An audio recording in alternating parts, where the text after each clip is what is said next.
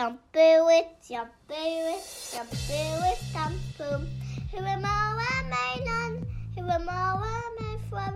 If it's winky for you, dan fuck je aan die kant. Yeah, yeah, yeah, dat is hier. Die Magalies is hier. Die Magalies is hier. Kom sit, kom luister, dit het begin. Maak jou ore oop. Die Magalies is hier, kom luister, kom luister.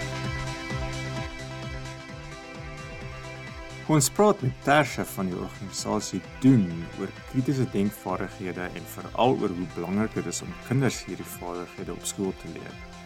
Dit sluit in metakognisie, die proses om jou eie denkwyse konstant te ondersoek en te verbeter. Epistemologie, om te weet hoe ek weet wat ek weet. Of eerder, hoe weet ek wat ek dink ek weet? Ons pas dit toe op dinge soos kinders en groot mense wat bang is vir monsters onder die bed. Tieners wat mekaar dik vry en hulle chommas wat hulle laat rook en ander onheilighede doen. Wat is die beste benadering hier? Moet ons hulle laat skuldig of bang laat voel oor hulle immorele gedrag? Of is daar 'n beter benadering? Tersha is effens van 'n Afrikaanse Sam Harris en ons het baie lekker met haar gesels.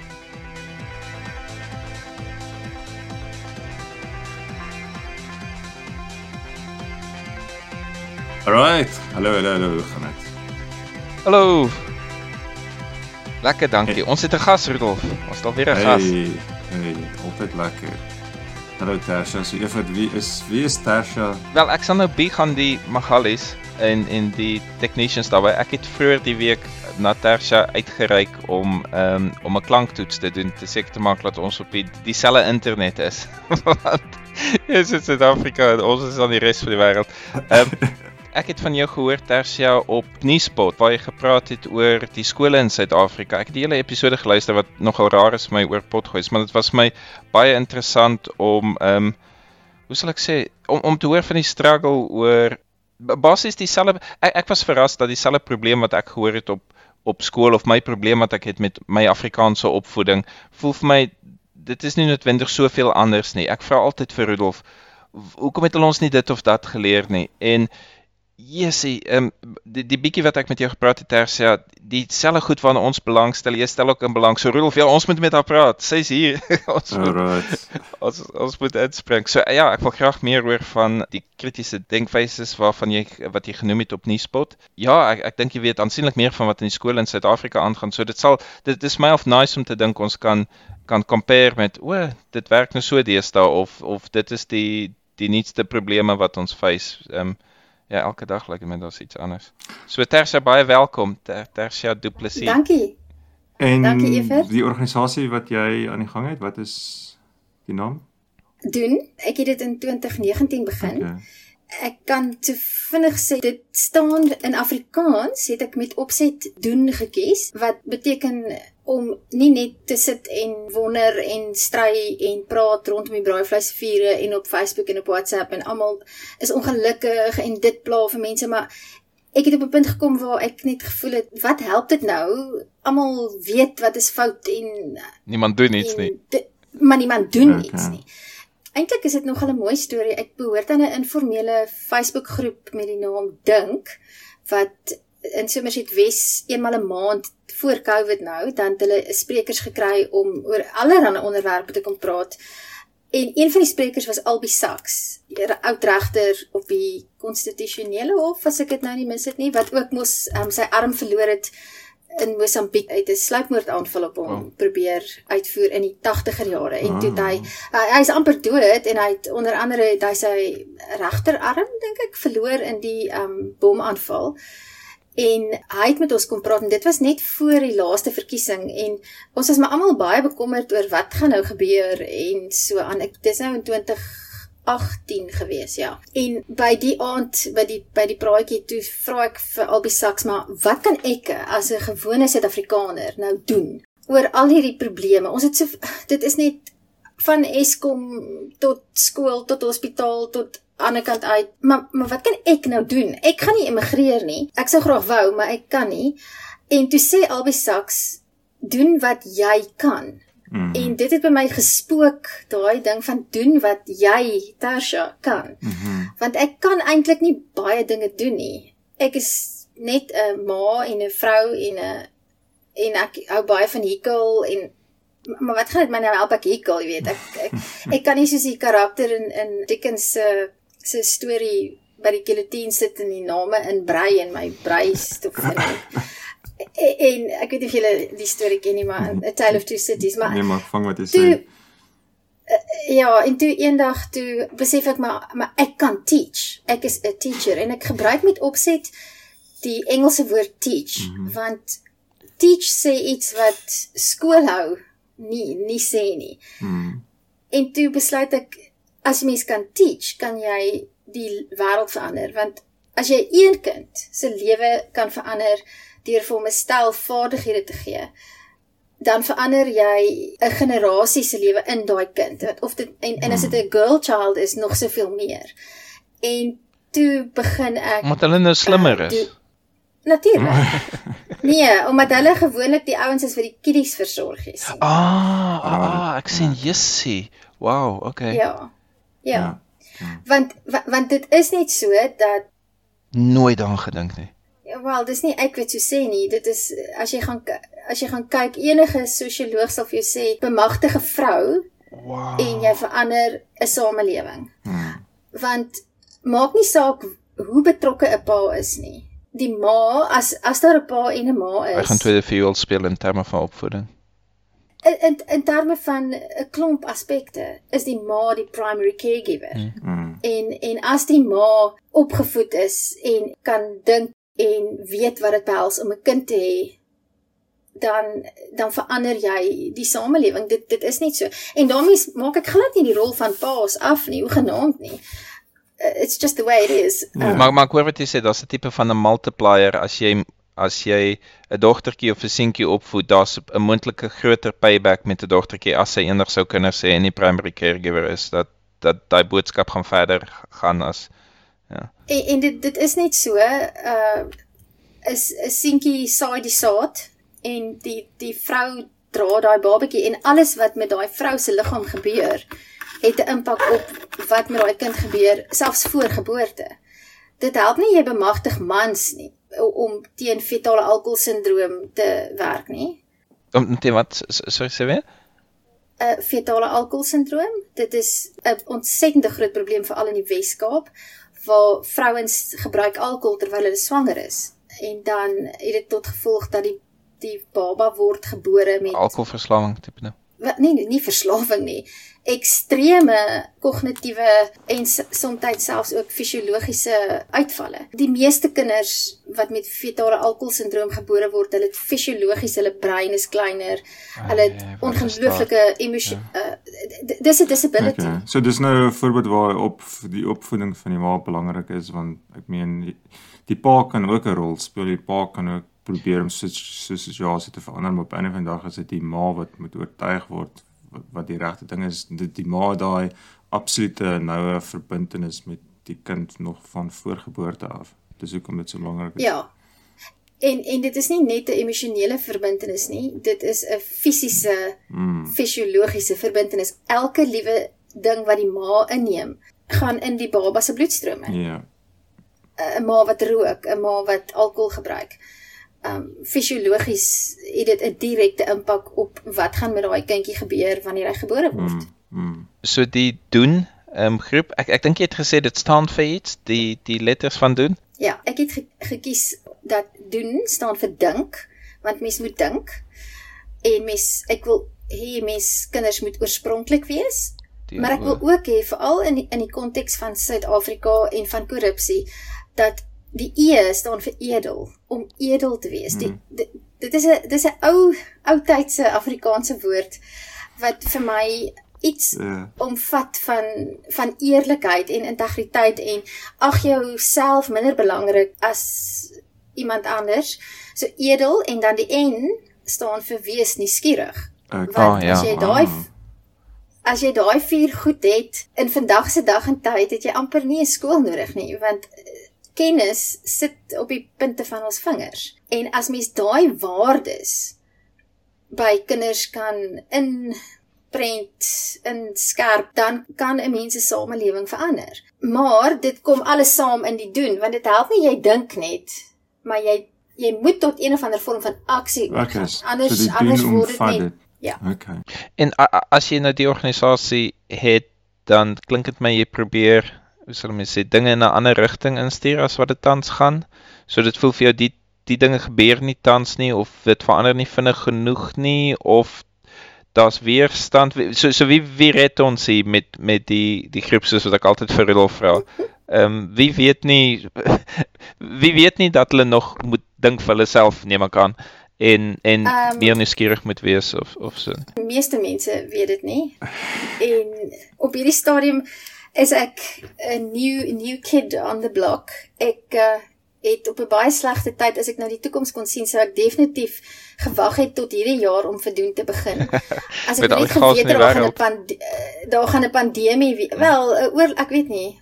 I don't know, maar maar ek het nie toe ek in 2019 in Junie Augustus verdoen gestig het geweet dat daar 6 maande later 'n pandemie uh, gaan wees en dat never mind dat ek nie eers uit my huis uit sal mag gaan nie Hmm. dat ek op geen manier naby skole sou kon kom nie. So vir die afgelope 2 jaar 2020 2021 het het doen eintlik doen is gekruisig op die op die reëls van die pandemie, maar uh, ek Okay. hoop dat dat ons besig is om uit die graf uit op te staan. En so kritiese denkvaardigheid klink vir my is een van die belangrike temas in wat jy doen. As ek nou in 'n in my perfekte wêreld lewe, dan sal ek nou by skole gaan en werkswinkels met klein groepe, verkieslik nie meer as 20 kinders op 'n slag nie. 'n Klein groep werkswinkels doen waar ek letterlik net die kinders prikkel om te begin dink Hmm. en om nuuskierig te wees. En vir my is kritiese denkvaardighede in die eerste plek 'n ingesteldheid.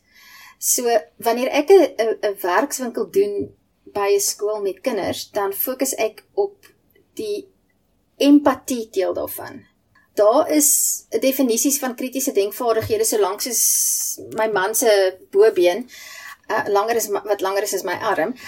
En ek het 'n klomp van die definisies gelees en bestudeer en boeke en boeke en boeke gelees en podcasts geluister en gekyk en ek het tot die gevolgtrekking gekom ek sal vir myself moet uitsif wat wil ek bereik wanneer ek Okay. vir iemand wil leer wat is kritiese denkvaardighede want dit dit is 'n studieveld op sy eie. So Hmm.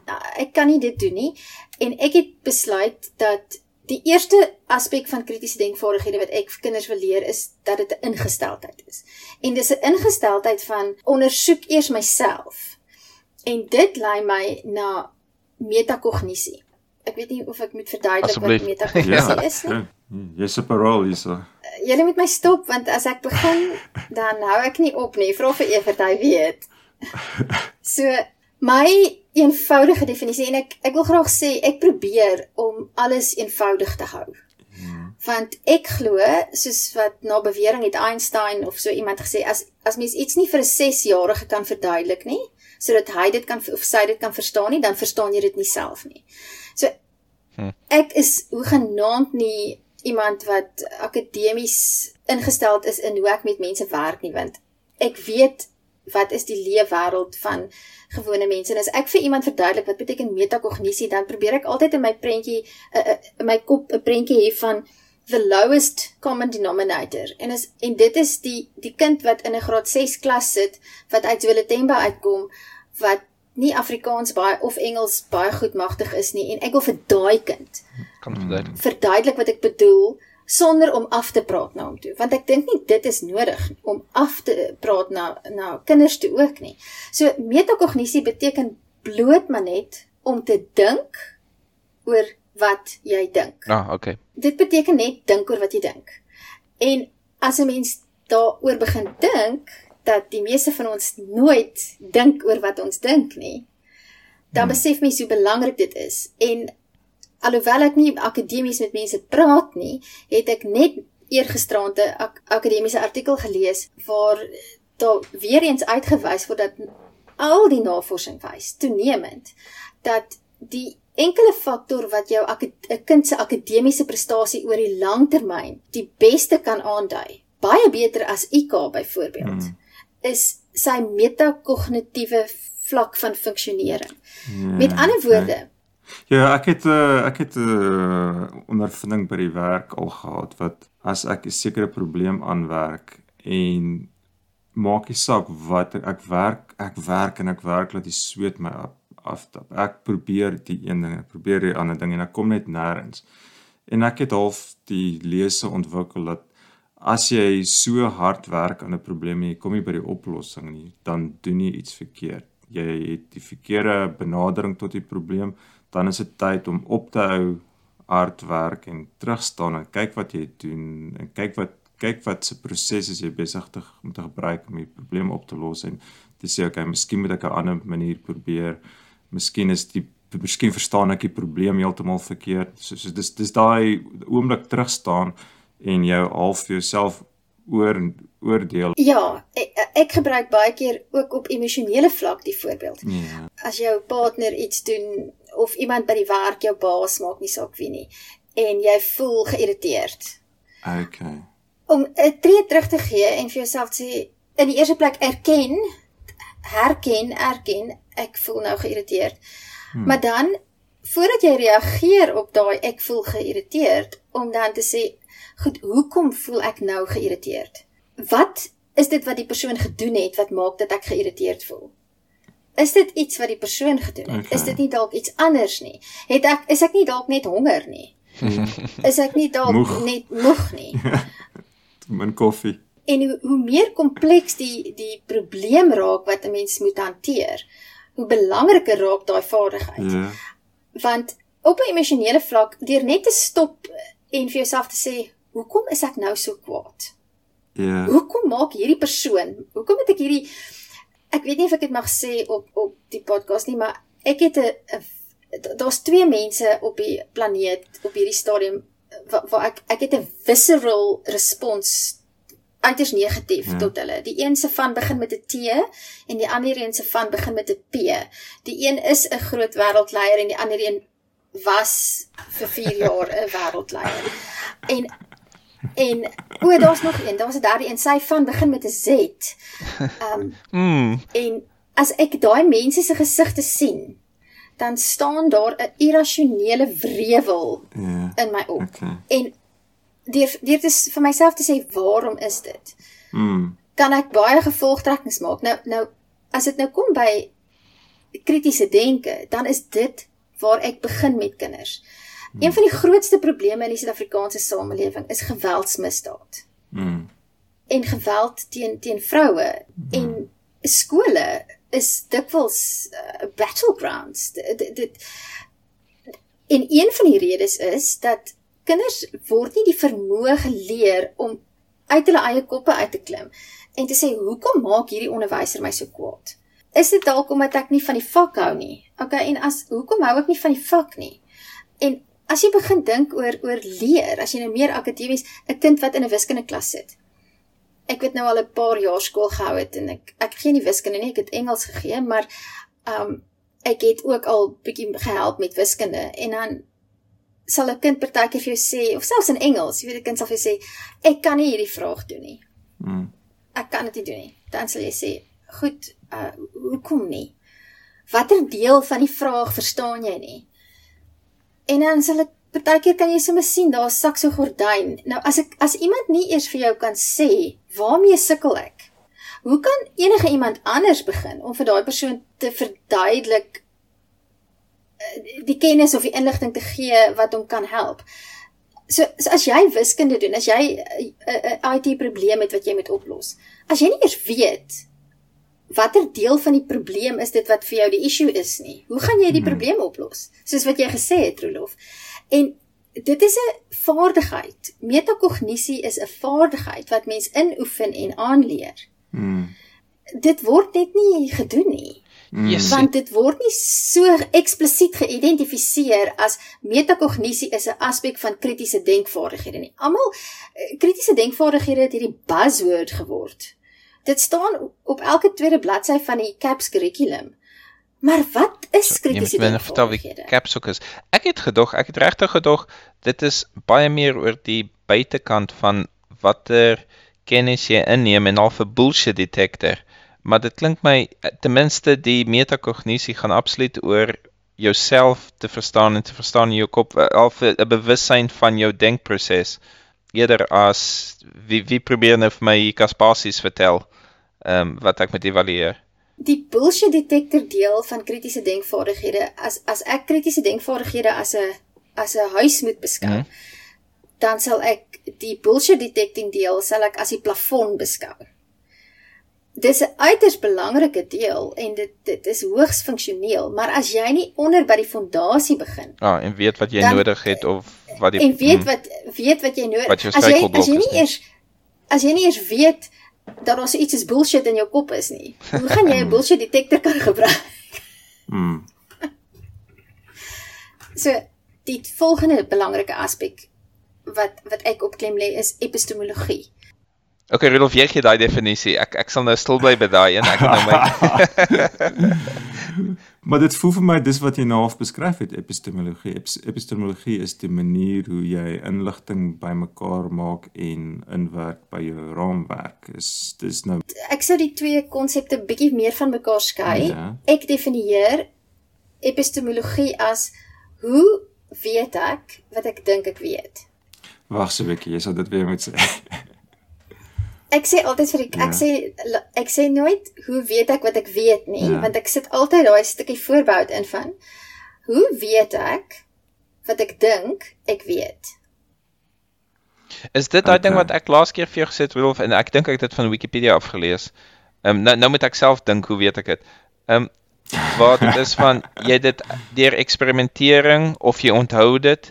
En toe dink ek blikskil dis dis nie baie safe maniere van van seker wees van iets om te dink ek ek hou van feite maar epistemologie gaan 'n trekkie verder terug. Ja? As jy sê jy hou van feite, dan sê epistemologie vir jou iets word aan my aangebied as 'n feit. Epistemologie op my uiters uh, onfilosofiese baie vereenvoudigde manier waar jy vir jouself sê uh, stelling X word aan my aangebied as 'n feit. Watter proses kan ek volg okay. om te bevestig dat dit wel 'n feit is? Okay. As mens nou daaroor begin dink, dan kom jy agter dit is eintlik baie kompleks. So dit is die proses waardeur ons deur 'n stuk inligting deurwerk om daar word 'n stelling aan jou gemaak en in plaas van om net te uh, impulsief te reageer op die stelling, moet daar 'n proses wees wat jy deurwerk om die stelling te integreer en epistemologie is daai proses.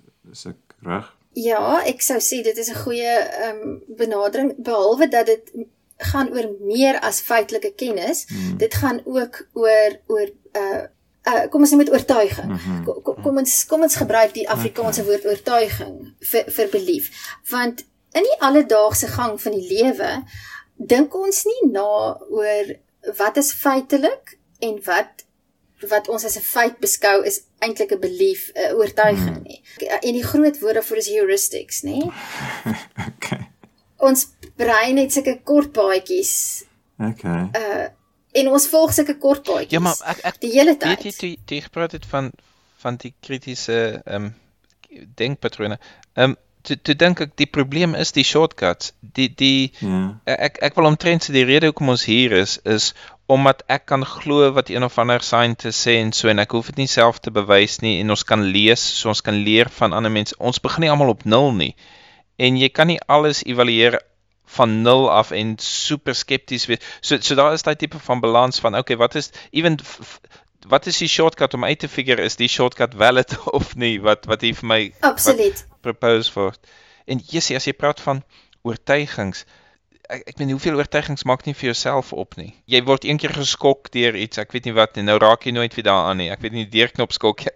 nou het jy oortuiging van watch out hiervoor. Dit is sommer iets simpel, sommer net in jou instink wat jy het, maar daar's ander goed wat jy ook doen.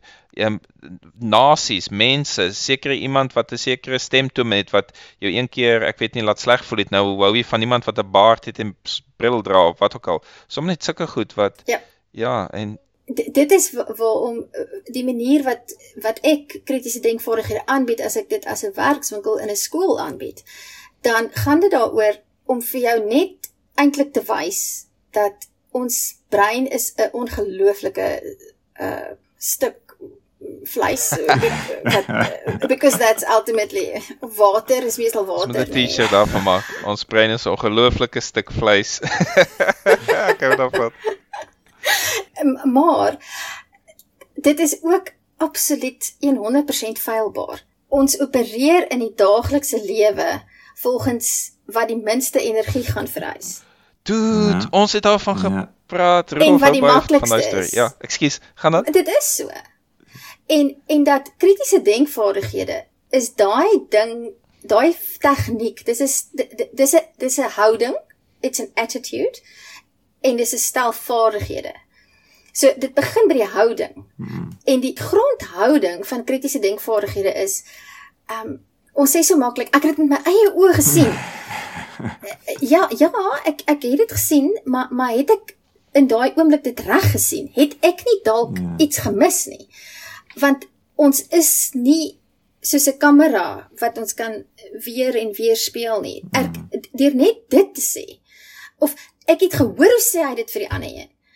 En dit is vir my absoluut fenomenaal. Ek het 'n um, dagboek gehou vandat ek van 1987 af toe ek in standaard 7 was, 'n goeie 20 jaar lank het ek min of meer baie getrou dagboek gehou. Soos 'n journal. Mm -hmm. uh, en ek het al my dagboeke gebeere en ek het byvoorbeeld my hoërskool dag, my bakvisie dagboeke, dis hysteries om te lees. Dit dit is absoluut om te sien wat was toe belangrik, genuinely belangrik. Om te sien wat was uh, ek sou ja, my doodskaam. Ja, ek dink vir gister wat gister belangrik was, sal ek my verskaam en dink. Was toe nou eintlik Ek moet vir jou sê ek word nou volgende Januarie 50 en dit het my tot omtrent 10 jaar gelede gevat voordat ek die moed gehad het om my standaard 8 um, dagboek ah, I feel you. Ja, ja, ek hoor jou. Yes. Dis die dappers, een van die dapperder goed wat ek ooit gedoen het. Maar maar maar wat vir my so interessant is, is dat ehm um, jy het nou nog gepraat van geheue en dit ah. dit is alles ah. deel van die onder onderbou van kritiese denkvaardighede.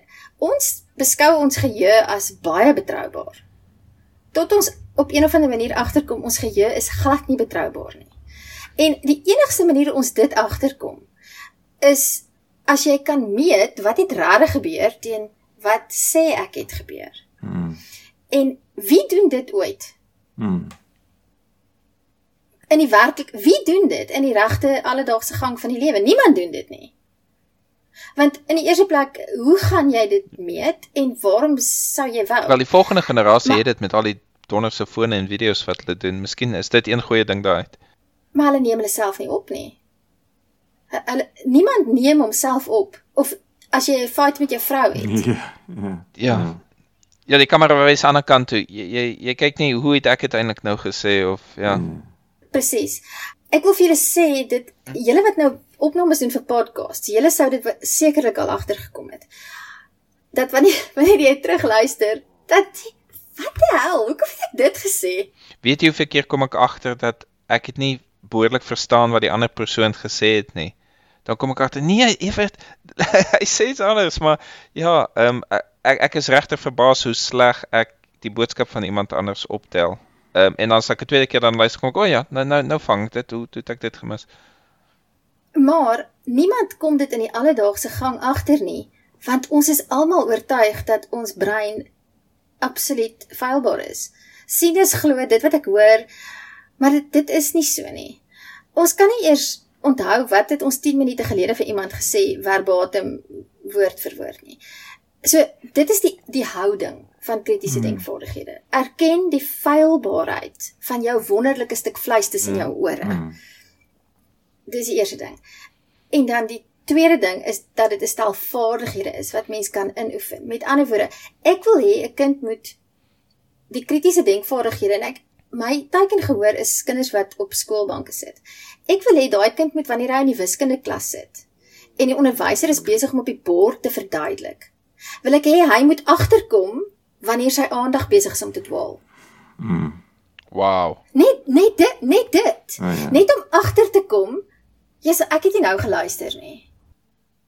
Weet jy, Ja. dit ewen vir my vat dit lank om dit agter te kom. Uh, ek luister nou graag podcasts in my kar. Kom ek agter, jy's vir laaste 2 minute het ek niks geluister, dan moet ek nou maar weer rewind. Luister nie. En en en nou wonder ek, ekskuus ek wil jou gou in die rede val. Die vaardighede vir kinders, op watter ouderdom begin dit reliable raak? Want dit voel vir my, Jesus, dis nie iets wat jy 'n 6-jarige kind leer nie.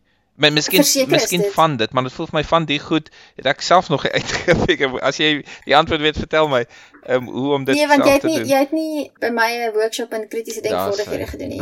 Um, so. Daar's die pitch.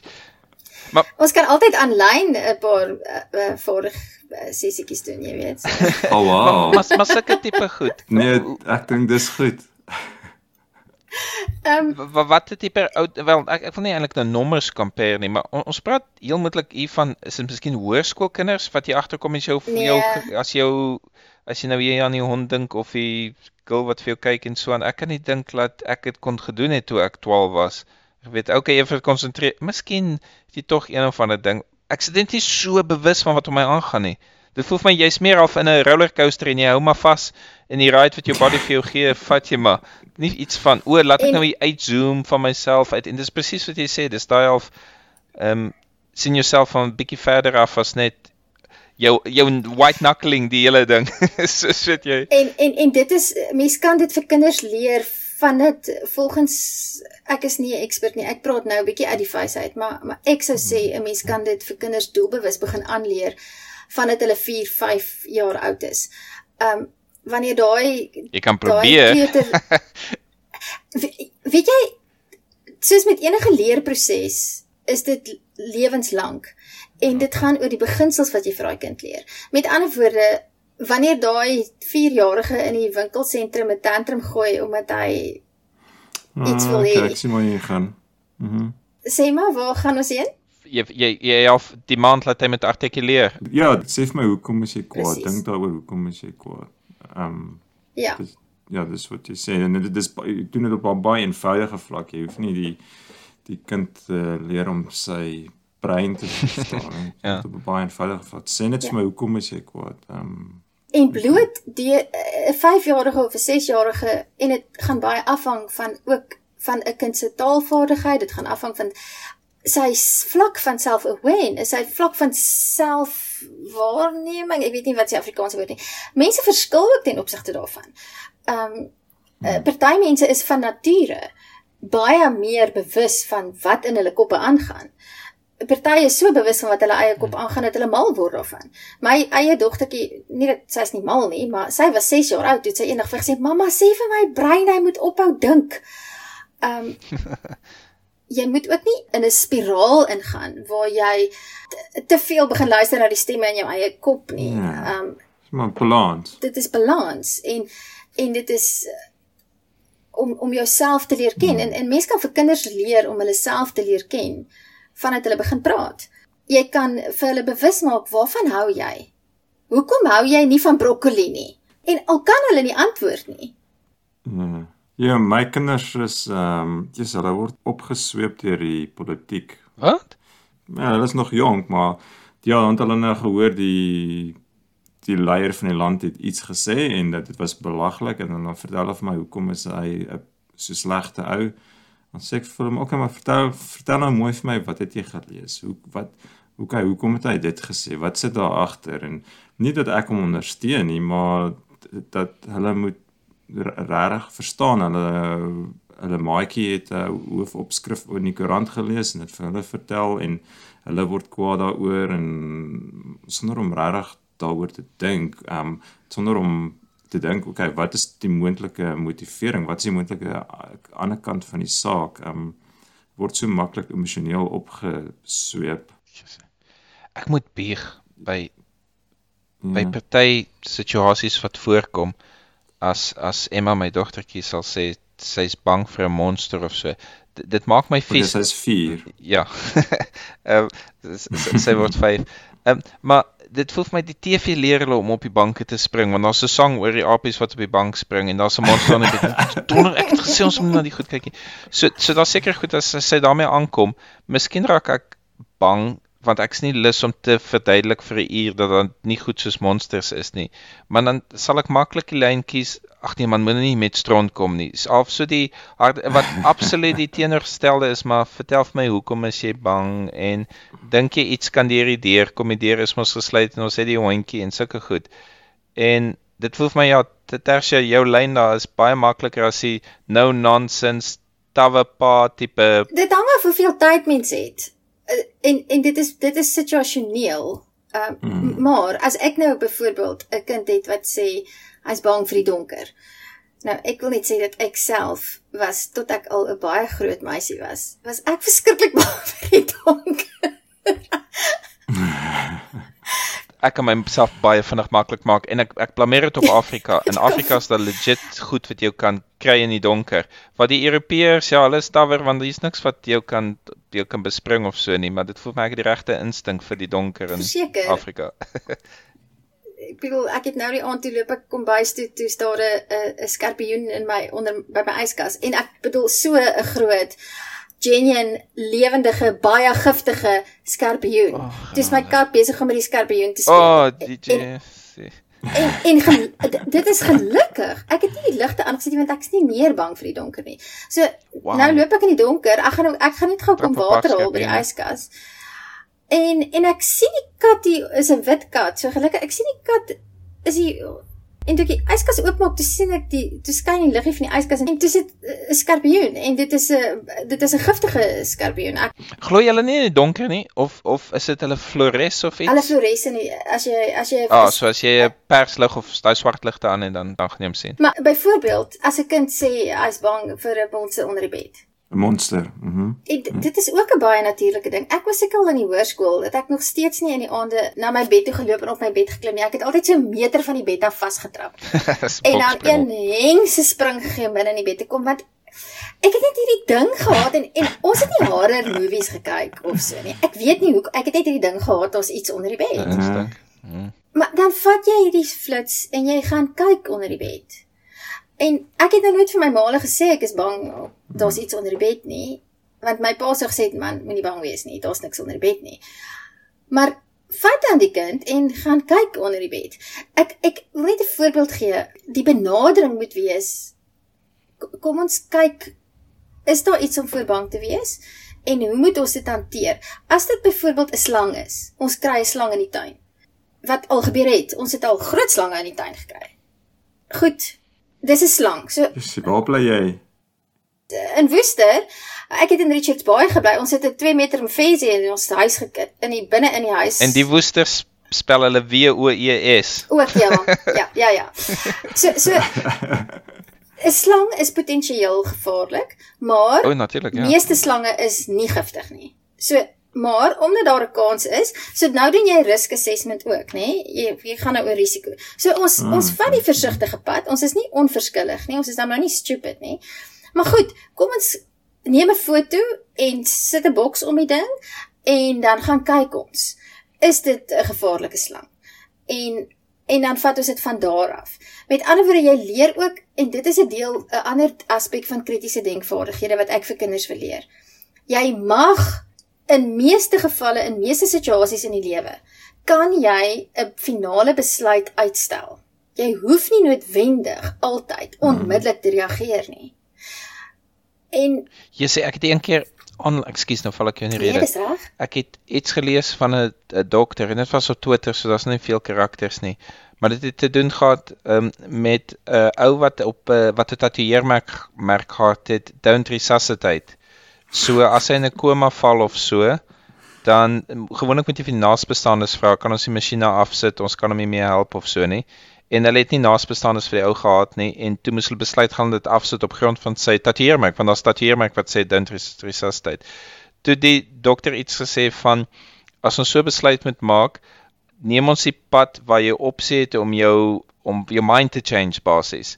En as jy die ou se tattoo net gelees en self, hy wil dit nie doen. Jy kan nie daai besluit verander nie. So hulle het besluit om hom wel aan die gang te hou totdat hulle iets kan doen. Ek ek hoor wat jy sê om om te besluit ek gaan nie nou dadelik all money on black of all money on red om om net sê nee ons defer die besluit totdat ons meer inligting het of so. Precies. dit is ook 'n besluit. Dit is ook en dit is partykeer die regte besluit. Ja. meeste keer in besigheid dink ek die, die probleem is daar word geen dat die besluit uitgeneem nie en die, gaan nie aan nie maar maar ja ek ek dink vir mense partykeer hey chill jy hoef nie eintlik iets te doen nie Oh, if you jy hoef nie dadelik die ja. die totale antwoord en solution te hê vir die die probleem. En, en, en vir alles dit kom by by emosies en onthou my teiken gehoor is tieners. En tieners is 'n bol emosies. Hulle brein is ge gefermenteer in hormone van alle soorte en dit is die kant toe en daai kant toe. Met ander woorde, as jy vir hulle spesifiek veral kan leer, weet jy wat? Ehm um, Ja, jy is nou mal oor hierdie girl en julle het nou die moeë hats vir mekaar en julle vry mekaar nou vuur warm. Maar weet wat, dit is dalk nie 'n goeie idee om nou sommer net seks te hê om want ek het nou ek moet nou die urge, die urge is nou hier en ek sweer ewige liefde want ja, ehm um, dit mag wees dat dit die girl is wat jy die res van jou lewe mee gaan deurbring. Maar jy het nie genoeg inligting en insig op hierdie stadium nie. En dit bring my by by 'n as mens nou dink aan Suid-Afrika en Suid-Afrikaanse skole, maar dit dit geld universeel. Die manier wat daar op die oomblik en dit is nog niks verander van toe ek en julle op skool was nie. Ek net watter jaar het julle gematrikuleer? Ek moet net eers gou Rolof 94 maybe 95 yeah. my studentennommer okay. was 96 okay, so ek is 'n 4 jaar ouer as julle ek het in 90 gematrikuleer maar ek is 'n 73 mm. baba ek is bietjie jonk ek was 5 toe ek skool toe gestuur was Okay. Ja. So ja. Ons is geleer jy moenie dwelms doen nie en jy moenie seks hê nie want dit is immoreel. Ja. Ek voel ook dat kinders van 16 moenie seks hê nie en 14 en 13 en 12 hulle moenie seks hê nie. Mm. Maar die rede hoekom ek vir hulle wil sê moenie seks hê nie is nie omdat dit moreel verkeerd is nie. Ek wil vir hulle sê jy bloot net nie al die inligting op hierdie stadium om 'n besluit te neem wat groot konsekwensies kan hê nie. Of dit nou 'n swangerskap hmm. is of dit nou 'n STD is, dit is 'n groot besluit en mens neem nie groot besluite wanneer jy emosioneel is en wanneer jy hmm. en emosioneel beteken ook ek is nou moerlus vir hierdie girl en sy's baie sexy. Met ander woorde jou besluitnemingsstrategie is totaal anders. En ek het eergister 'n artikel gelees oor die ongelooflike toename in kinderswangerskappe. Ek praat van kinders van 11 en 12 en 13. Ag my genade, Jessie. Dit is dit is hmm. verskriklik. Duidelik werk die metodes want daar word nou lewensoriëntering in die skool aangebied. Maar dit is duidelik nie effektief nie, want dwelmafhanklikheid neem nie af nie. Tienerswangerskappe neem nie af nie.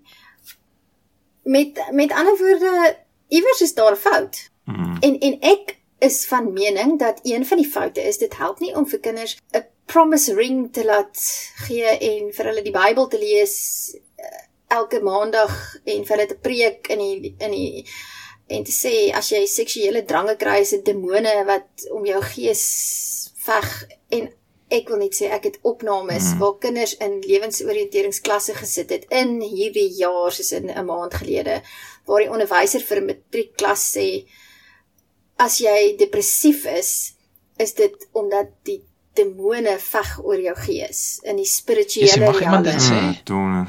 Ja. Mag iemand dit sê? Dit is dis nie dis wow. Dis uh, volgens my nee, maar dit word gesê want die wow. die manier waarop mense waarop onderwysers kinders se gedrag probeer verander is deur vrees en deur Ek hoor wat jy sê en en en, en daar daar's dit is 'n alweer 'n tipe van 'n shortcut. E, Emma sal ook baie keer mm. sulke goed kry as sy nie haar skoene kan kies nie, wel dan bly jy by die huis. Ons ons gaan nou. maar ek hoor wat jy sê vir belangrike goed wil jy wraggies nie op daai level die vrees gebruik en jissie dis 'n drastiese ding nie laat ek noodwendig glo in die goed nie maar soos ek sê ek's ook bang vir die donker hoekom dis regtig al 'n donker antwoord vir 'n jissie vir 'n probleem wat 'n kind ja, mense struggle om te Dis nou kom jy nou met sulke letterlik spooke. Dis dis teen ja, jy gaan jy gaan twee reaksies kry. Jy gaan 'n kind kry wat irrasioneel bang raak of jy gaan 'n kind wat kry wat se heerlik het alles wat vir my vertel word is nonsens. Ek gaan doen wat ek wil. dis die enigste twee reaksies wat jy gaan hê. En uh, wel ek ek sal so 'n bietjie verskil. Die die ander reaksie is mm -hmm. jy gaan 'n kind kry wat bang is, maar in daai oomblik wanneer hy met sy girl op die matras lê en vry in die kamer, dan is die drang groter as die vrees. Right. So dit verander nie die gedrag nie. Dit het met ander woorde hmm. nie die uitwerking wat jy wil hê nie. Wat is die uit wat probeer daardie onderwyser bereik deur vir die kinders te sê? Ehm um, moenie seks hê nie. Want as jy seks het met iemand sonder dat jy met hom getroud is, veroorsaak dit 'n binding wat jou vir die res van jou lewe gaan bind en en daar's 'n binding in die hmm. spirituele riem. Wat probeer daai onderwyser? Die intensie wat hy het is is wonderlik. Die intensie is ek wil die kinders weerhou daarvan om keuses te maak wanneer hulle nie reg is daarvoor nie. Wat ek stem 100% om mee saam. Maar maar nou gebruik jy 'n metode wat geen uitwerking het nie. Hmm. Jy gee nie vir die kind 'n tegniek nie. Jy gee nie vir die kind jy sê nie vir hom, weet jy wat, wanneer jy en jou girl gevry het, is julle julle is in elk geval vol hormone en jy hou van hierdie meisie of jy hou van hierdie ou en dit is natuurlik. En dis nie 'n bose drang hmm. nie. Dit is hoe jy gemaak is. Hmm. Maar wat gaan jy doen? Want jy gaan nie verkeerde besluit neem. En daar kan gevolge wees wat jy nie voorsien nie, want jy kan nie altyd dink eers aan al die gevolge nie. So so kom ons hmm. werk 'n strategie uit. Hmm. Dis waar ek hou van die tipe van belasting ekonomiese manier van motivering van mense as jy vir hulle kan wys dis in jou eie belang om die keuse te maak om dit al van vaar mense is selfsugtig of kyk uit vir hulle self alweer nie noodwendig 'n slegte ding nie dit is goed as jy vir jouself uitkyk en nie ek weet nie vir busse inloop en sulke goed nie so ek hou van daai idee van die die government tax jou op goed wat hulle nie wil hê jy moet doen nie sodat jy die ander goed doen wat jy nie opgetaks word nie dis hoekom hulle en soos wat jy ook al gesê het val maar daar's drank taxes. Alles wat hulle wil hê moet nie doen nie. Ehm um, kan hulle meer tax opsit sodat jy eerder die ander ander paadjie kies. En ek dink ja, jy moet so tipe ding vir die kinders kan leer en dis in jou eie belang om al ons raad te volg as gevolg van dit en dit sodat jy kan sien daar's 'n benefit vir jou as jy die besluit neem eerder as om te sê as om met wat wat sê hulle brimstone fire and brimstone is fire and brimstone tipe die hel gaan jou haal as jy dit doen. Ek meen, ja, soos jy sê, dit kan werk, maar jy moet 'n strategie in plek hê. Met ander woorde, jy moet letterlik vir die kind sê, jy moet vir daai 14-jarige sê, "Oké okay, ouens, so watse planne gaan jy maak om in die eerste plek te voorkom dat jy in daai situasie kom waar ja. jy mekaar so warm vry dat jy nou nie meer kan want daar is 'n point of no hmm. return." Goed, so hmm. eerste ding is as jy by jou meisie gaan kuier en jy is alleen by die huis, gaan eerder na Appel se huis toe. As wat julle nou as jy weet julle gaan die hele middag alleen by die huis wees. Moenie eers dit doen nie. Um, ek dink dat jy al vir jou die grappie vertel Rudolf van die seentjie wat se ma vir hom gesê het jy mag nie swem nie. Jy mag nie na die dam toe gaan saam met jou maatjies nie. Jy kan dam toe gaan, maar jy mag nie swem nie. Jy mag nie swem nie. En toe toe sê ja, maar ek sal nie gaan swem nie. Ek sal nie gaan swem nie. En toe toe natuurlik het hy geswem. Kom hy daar aan met sy sy swembroek aan sopnat en hy sê vir sy man nie maar hy wou nie geswem het nie. Sy sê maar jy het jou swembroek aan. Jy het obviously 'n swembroek gevat. Sy sê nee maar die swembroek gevra en keis hy die versoeking nie kan weerstaan nie. So ja, want dit is soos jy sê jy beplan om te fail en dit is daai deel om te weet jy kan ook beplan om te succeed. Uh, om op ja, soos jy soos nou sê as jy weet dit gaan moeilikheid die wees of ja. ek weet nie drank of wat ook al of wat ook al of peer pressure okay. of wat. So Tasha trek dit vir ons terug na kritiese denkvaardigheid ehm um, vermoëns. In die eerste plek metakognisie. Met ander woorde, ek moet myself goed genoeg ken om te weet wanneer raak ek uh of kom ons kom ons stap net 'n bietjie af van die seks af. Miskien kom ons doen 'n bietjie dwelms. Ehm um, ek ek moet ja. myself goed genoeg ken om te om te weet is ek iemand wat maklik beïnvloedbaar is.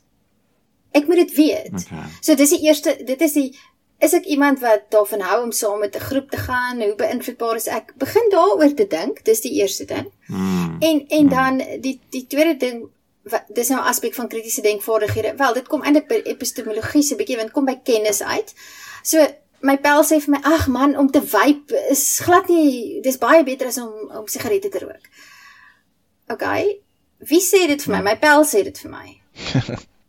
Hoe betroubaar is hy? Hmm. Met met ander woorde, dis my pel. Hy hy wil nie hê ek moet benadeel word noodwendig nie. Maar maar is hy die beste bron om te glo as dit kom by wat is nou gevaarliker vape of gewone sigarette. En en weer hmm. eens die, die benadering is glad nie een van moralisties nie. Dit gaan oor die werklikheid. Met ander woorde, daar's opsies. Jy kan nie rook nie, jy kan yeah. vape, jy kan tabak rook, jy kan jou eie sigarette rol. Um dis die opsies. Wat is die effek van elkeen van daai opsies? En en dan wat ek byvoorbeeld as dit by so prakties kom en dit vir my moet dit prakties wees. As dit nou by metakognisie kom. Nou sê ek vir die kinders, weet jy wat is die effek as jy nog nie gerook het nie? Kom ons aanvaar jy het nou nog nie 'n sigaret gerook in jou lewe nie. Weet jy wat is die effek van uh, nikotien op jou brein?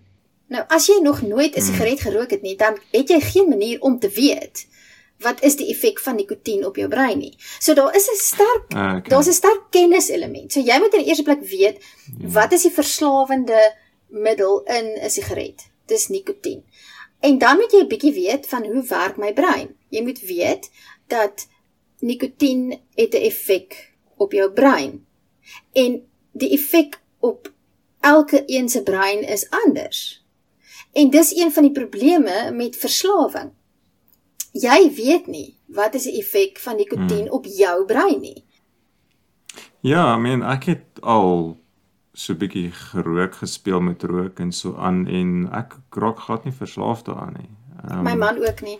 Maar vir ander vir ander mense is, is dit natuurlik 'n groot groot probleem. So ja, jy weet nie wat die eendag gaan wees nie. So die die die metakognisie kom ook by nie net oor dink wat ek dink nie, maar oor ook wat weet ek van myself. Wat weet ek hmm. van my my brein? Wat weet ek van hoe my brein werk? Nou eintlik weet ons baie min van hoe ons brein ja. werk. Ja, yes, is maar net nog 'n bietjie terug te staan uh, vas te staan by die rook. Um, ek as ek nou my en my vrou kan vergelyk met mekaar. Ek weet ek het nie 'n verslawende tipe persoonlikheid nie. Ehm um, so so, so jy mag pla my nie. So ek mag rook. Ehm um, maar my, my vrou het 'n verslawendheidsprobleem. So maar sy weet dit. Sy het die metakognisie gedoen. Precies. So haar hy haar huidige verslawing is oefening. so en dit is totaal harmless actually. I mean dis eintlik goed om dis 'n goeie verslawing om te hê, maar sy weet sy het verslawing, sy weet sy het so iets nodig aan haar lewe, so sy sy elke dag oefen sy sy ry fiets of of, of so iets. Ehm um, So so ja, die daar's nou 'n voorbeeld van iemand wat daar metakognisie gebruik het en en na noem dit nou maar swakhede en na guns gebruik. Dit is wat kritiese denkvaardighede volgens my vir kinders kan hmm. leer. Want dit begin by ken jouself, ken jou vermoëns en en ken weet ook waar jy is in jou lewe. Ek die, kyk die tienerbrein fascineer my uh absoluut. Uh want want die tienerbrein is 'n totaal totale vreemde struktuur. Byvoorbeeld en, en net net om net of julle ek weet nie of julle dalk dit weet nie, maar ehm um, Maar ek het 'n 15-jarige en 'n 13-jarige dogter, so ek luister nou baie baie okay. meer wat jy vir ons vertel. Nee, Rudolf neem notas. Nee, dit ek is notas nie. Dit is fascinerend. Um ek is nie seker oor dogters dat dit so erg is by dogters nie, want dogters het okay. het, het nou weer 'n bietjie van 'n kyk die vroulike brein is nou ook weer 'n bietjie anders as die gemiddelde manlike brein. En dit is net so.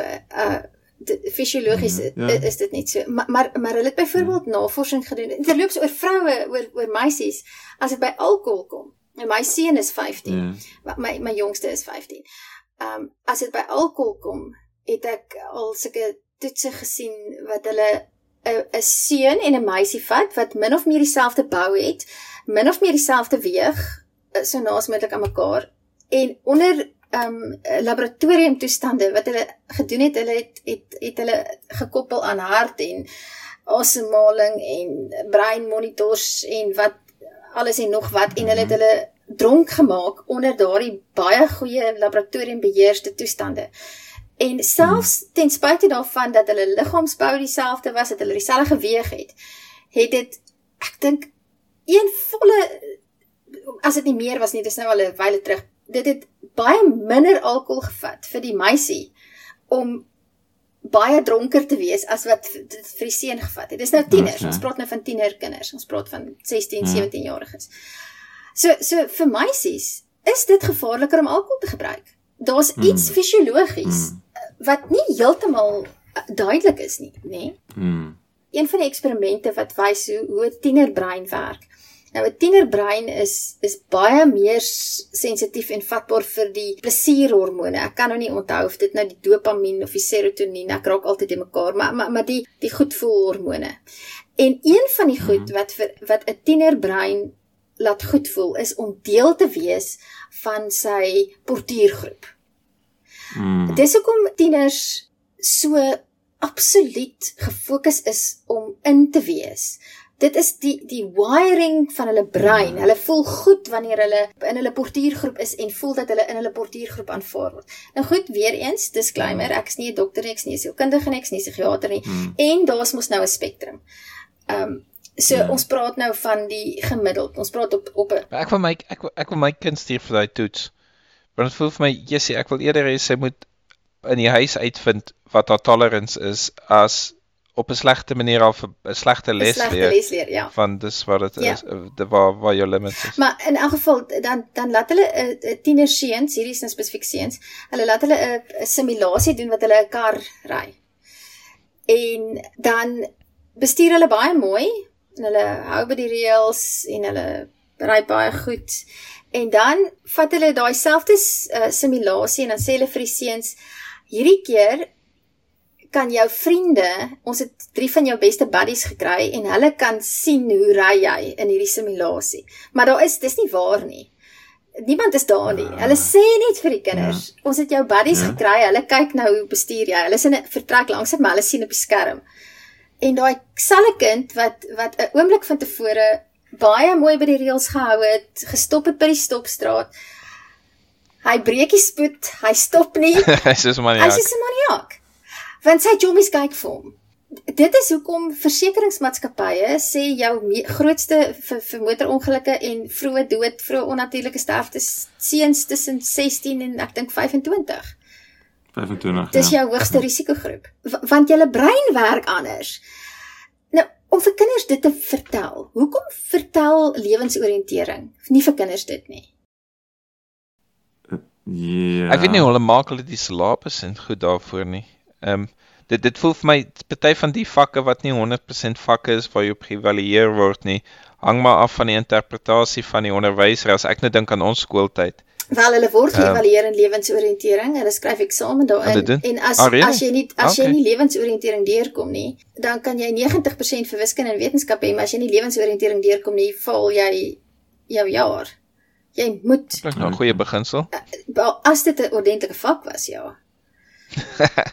ja. Dis ongelukkig is dit 'n mors van tyd as gevolg van die gebrek aan kritiese denkvaardighede.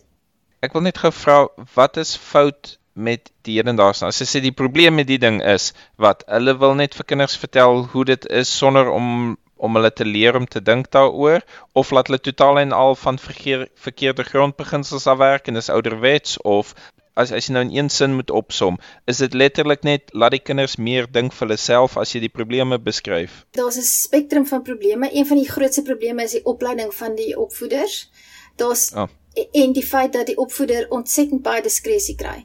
Met ander woorde, as jy 'n Christen hmm. fundamentalistiese opvoeder het, dan vat hy daai kurrikulum en hy buig vir hom en hy sê vir die kinders depressie is die gevolg van demoniese magte. Ons het net nou die dag met Eugene gepraat oor die kommunis sê. Ek onthou die media juffrou wat ek gedink het, "Waar kom jy vandaan aan die goed?" Sy was ek dink die kommuniste het haar gepla of iets want my, my ouers het my nooit gehoor van die kommunis nie.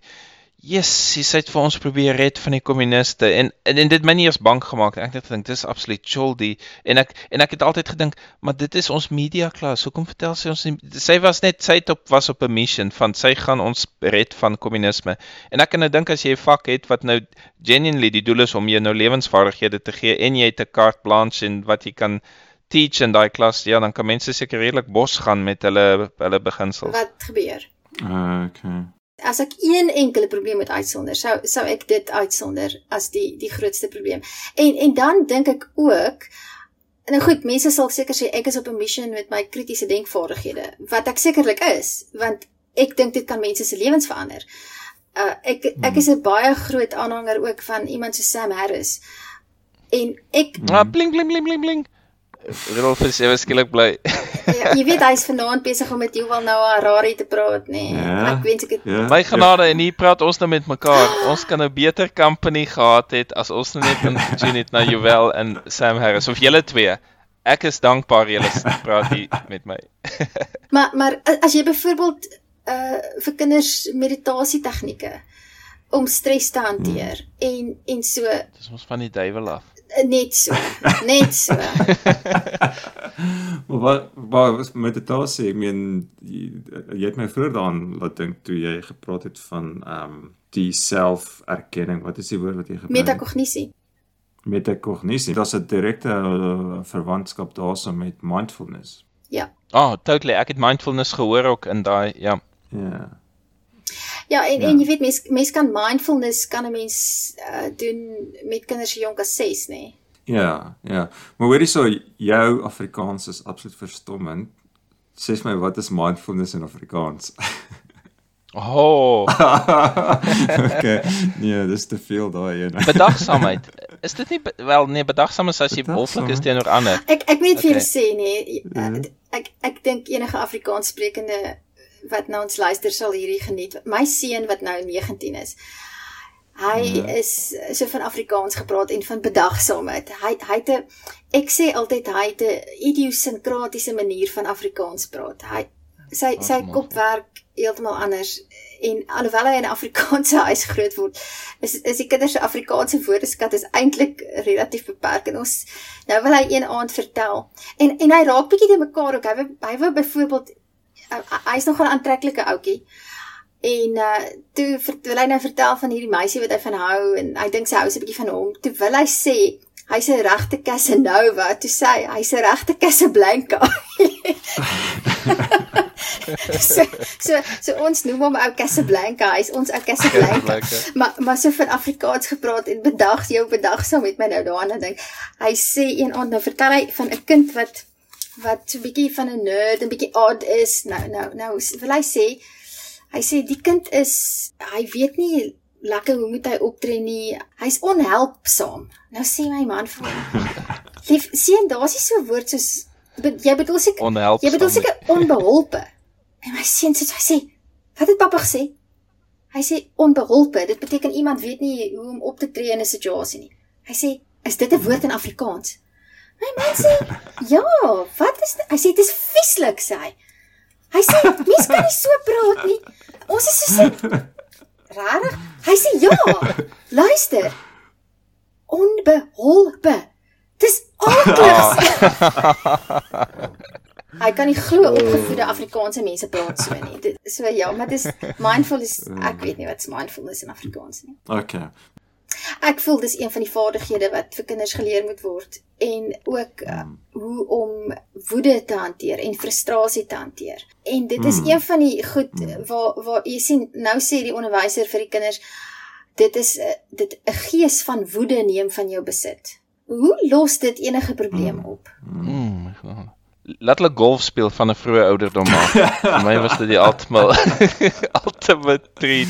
Nee, hy- my pa het eendag so kwaad geraak vir homself op die golfbaan dat hy 'n golfstok so oor sy knie middeldeur gebreek het. So so so die gees het, het van daar definitief op die golfbaan Ja, was ja, daar 'n ja, die- ernstige gees van woede. Daar's baie van die geeste op die golfbaan. Ek sê dit nie aanbeveel nie. Vertel van Joval en Harris. Waaroor praat Joval en Harris? Ons is hulle is groot vriende van ons gooi en nou nog nie self kom praat nie. Ag hulle hulle weet nie wat hulle mis nie. Ehm uh, hulle sal geëerd wees as as hulle kan kom praat. Ja, Sam Harris, ja, hy werk in Suid-Afrikaans. Hy werk in Suid-Afrikaans. Hy sal een van daardie dit? join. Ja, ja. Rig jy hom af? Man, ek is nog nie onderwyser nie, so nee. Kom ek vra jou. So, ehm um, soos het nou gepraat oor uh, kritiese denkvaardighede en metakognisie en meditasie. Wat se bronne dink jy sal jy mense na verwys om hulle self bietjie meer op te voed daaroor? Sam Harris is mm. -hmm. is vir my baie goed. Dan Skeptics Guide to the Universe. Ek weet nie of julle hulle ken nie. Dis 'n potgooi. Okay. Steven Novella. Dit is amper een van die beste bronne. Steven Novella, hy's 'n neuroloog 'n praktiserende neuroloog. Enigiemand wat 'n neuroloog is, na luister ek. Hy en sy broers het 'n pot gooi met die naam Skeptics Guide to the Universe. Okay. En hulle het ook op Audible het hulle 'n great courses Your Deceptive Mind, a scientific guide to critical thinking skills. Oh my word, dit klink great. Dis briljant. Steven okay. Novella. Okay, ek sal definitief daarna kyk. Hoor so en jy jy ja. het Sam Harris genoem, maar Sam Harris is redelik wyd. Sam Harris as hy waarvan praat of of meen jy um, die in general die attitude van Sam? Uh, Eintlik maar net oor die algemeen. Ehm um, okay. ja. Ja, ek dink jy sê reg, dis dis oor die algemeen sy houding op om hoe hy na dinge in die lewe kyk. Die ander baie maklik toeganklike bron vir kritiese denkvaardighede is The School of Life. Ek weet nie of julle bekend is met The School of Life nie. Sedert laasweek ja. Ek het nog nie veel daarna gekyk nie. Ek het hom nog steeds oh, Jy het nie jou huiswerk gedoen nie. ek ek het hom nog steeds op op my um, computer School of Life op YouTube. Onder andere um, ja. Die die een aspek waarby ons glad nie uitgekom het nie wat vir my belangrik is wat ek vir kinders ook wel later leer oor kritiese denkvaardighede is die filosofiese onderbou daarvan want want kritiese denkvaardighede begin by filosofie. Dit begin by Aristoteles, dit begin hmm. by Seneca, dit begin by Epictetus. En dis die logika, die logika kant van filosofie. Dit bring jou op die ou end by die logika. Dit bring jou dan op die ou einde op die hoër hmm. vlak van kritiese denkvaardighede praat jy oor argumentering en logika en hoe om 'n argument te bou, maar ek begin nie daarby nie want dit dit is eintlik ook vir baie mense baie vervelig en dit laat mense baie aan wiskunde dink en baie mense is baie bang vir wiskunde. so ek eindig daarby. Maar maar as ek drie bronne kan uitsonder en ja. ek wil amper die volgorde ek wil amper die volgorde omruil. Ek wil amper sê die maklik toeganklike bron is The School of Life. Hulle ja. maak fantastiese kort video's wat die emosionele beginsels van kritiese denkvaardighede ja. ook baie goed omvang. En dan die tweede sal ek sê Your Deceptive Mind, a scientific guide to critical thinking skills in die Skeptics Guide to the Universe is hulle potgooi. Dis nou as jy 'n bietjie dieper wil ingaan. Okay. En dan as jy kan sien vir 'n bietjie goeie stewige kos dan Sam Harris. Okay. So almal asseblief hou dadelik op om na die Magalies potgoed te luister en luister eerder na hierdie drie bronne. nee, nee, nie eerder nie, saam met, saam, saam met. Okay. Alright, dankie vir dat jy my red daarso. Tasha, ja. dit was ek dink ons kan vir nog ure en ure praat en ek dink ons gaan nog vir ure en ure praat as dit okay is. Ek dink ons moet, jou. ek dink ons moet. Um, is okay met my. dit was baie baie lekker geweest. Baie dankie vir jou tyd. Dis net een. Ons sien uit na die volgende een. Ek hoop daar's 'n volgende een. Dit was 'n baie groot plesier, ouens. Daar's definitief 'n volgende een. En mense kan jy gaan na jou Facebook page uh, doen dit. En jy's ja. op Twitter ook het ek gesien. Dis opgespoor. Ek is op Twitter. Ja, ek is op Twitter. Ek wil net sê ek gaan 'n webblad hê wat op en wakker en lewendig is. Okay. Want ons is besig om uit die dood uit op te staan.